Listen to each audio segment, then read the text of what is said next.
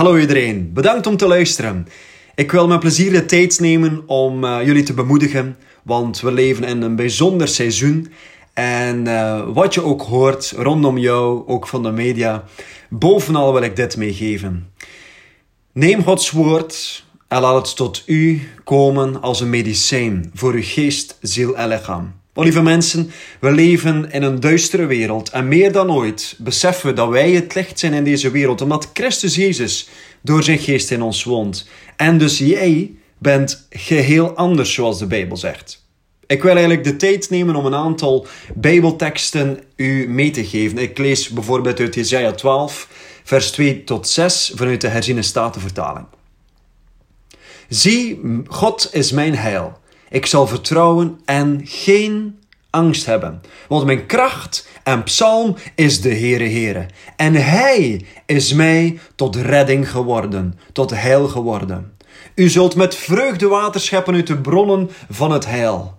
Op die dag zult u zeggen, dank de Heere, roep zijn naam aan, maak zijn daden bekend onder de volken, roep in herinnering dat zijn naam hoog verheven is. Oh, de waarheid. Zijn naam, de naam van Jezus, is hoog verheven, staat boven elke andere naam, zelfs nu op dit moment. Want zijn woord en zijn koninkrijk houdt voor eeuwig stand. Zing psalmen, zegt het uh, verder in Jesaja. Zing psalmen voor de Heer, want Hij heeft zeer grote dingen gedaan. Laat dit bekend worden over heel de aarde. Juich en zing vrolijk, inwoners van Sion, want groot in uw midden is de heilige van Israël. Zo mooi dat er in het begin van Jesaja hoofdstuk 12 staat in het tweede vers: God is mijn redding, God is mijn heil. Ik zal vertrouwen en geen angst hebben. Want lieve mensen, onze kracht en onze psalm is in de Heer en in Hij alleen. Jezaja 26, vers 3. Dat is ook zo'n Bijbeltekst die naar mij toe kwam toen ik in gebed was. En daar staat, en ik lees vanuit de MBG-vertaling: Standvastige zin bewaart gij in volkomen vrede, omdat men op u vertrouwt. Vers 4. Vertrouwt op de Heere voor altijd, want de Heere Heere is een eeuwige rots. Prachtig gezegd. Maar in de herziene statenvertaling zegt het op een andere manier.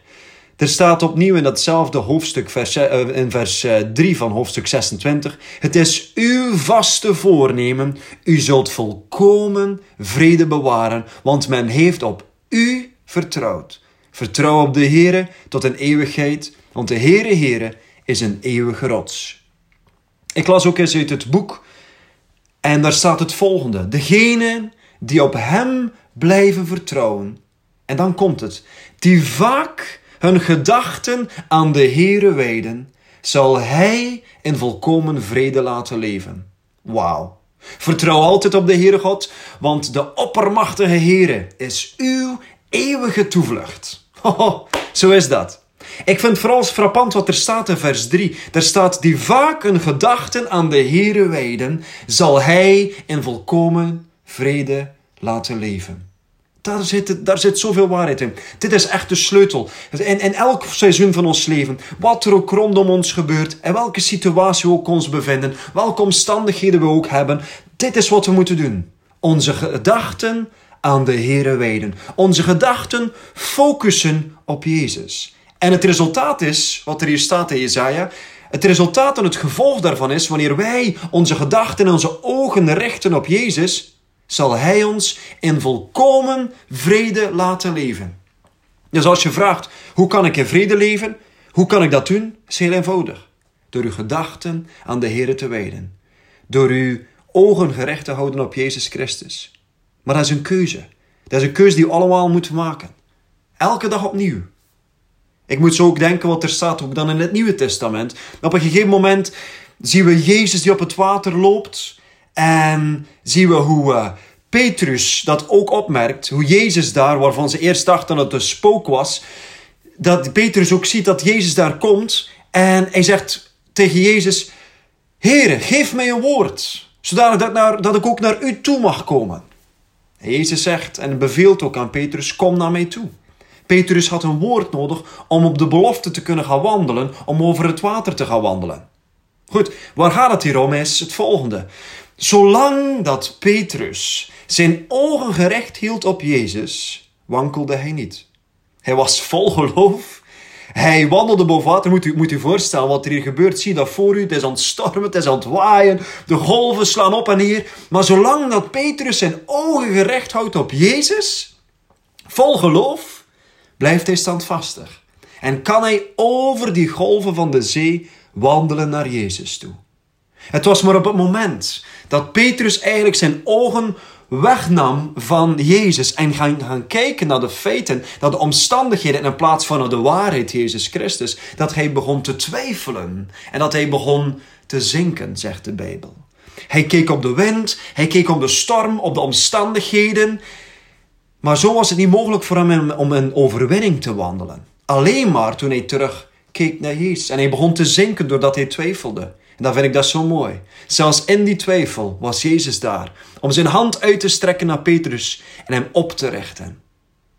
En dat is zo belangrijk. Ook de tijd waarin we nu leven. Te beseffen dat we moeten kijken op Jezus. Niet ons ogen gericht of onze gedachten gericht op omstandigheden of een situatie of wat dan ook die rondom ons nu aan het afspelen is. Nee, het is mogelijk om volkomen in overwinning te wandelen door ons ogen gericht te houden op Jezus Christus. En dat wil niet zeggen dat we de feiten ontkennen. Nee, die zijn er. Dat is, dat is inderdaad zo. Die feiten zijn er, omstandigheden zijn er, problemen zijn er, situaties. We ontkennen ze niet. Maar het is wel mogelijk om onze aandacht en onze gedachten te richten op de waarheid die boven de feiten staat, op Jezus Christus. En om in volkomen overwinning te wandelen. Want daar begint het, van binnen naar buiten. Los van wat er rondom ons gebeurt, kunnen we toch binnenin ons in volkomen bovennatuurlijke, onbegrijpelijke vrede wandelen. In Jacobus 1, vers 5 staat: Maar hij moet bidden in geloof. En geen enkel opzicht twijfelende. Want wie twijfelt, gelijkt op een golf der zee, die door de wind aangedreven en opgejaagd wordt. Want dat is ook zo. De natuur is zo wisselvallig, op en neer. Soms is het er, soms is het er niet, die golf. Het is zo wisselvallig. Maar wanneer we kijken op Jezus en ons vertrouwen standvastig houden in en op God, dan zijn we volkomen standvastig. En op een fundament dat we vertrouwen dat alleen maar is in Jezus Christus. Dus daarom, ook opnieuw, houd u en richt uw gedachten op Jezus Christus. Ik moest ook zo denken aan de tijd van de Israëlieten toen ze in Egypte waren. Dat ze de opdracht kregen toen de plaag voorbij zou komen om bloed op de deurposten te gaan besprenkelen.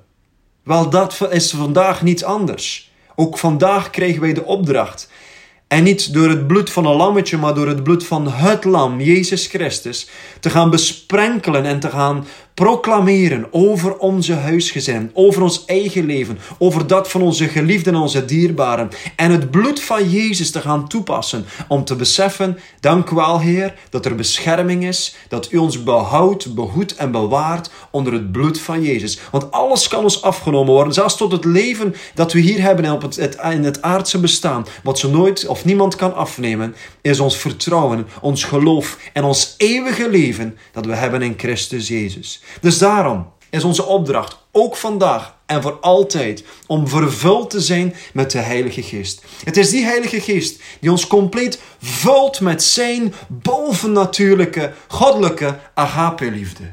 En het is die liefde van God die elke angst uitdrijft. En dat is nu hetgene wat de wereld doet. De wereld die verspreidt zoveel angst. Want op die manier zijn ze in staat om te manipuleren. Want manipulatie is geheel gebaseerd op angst.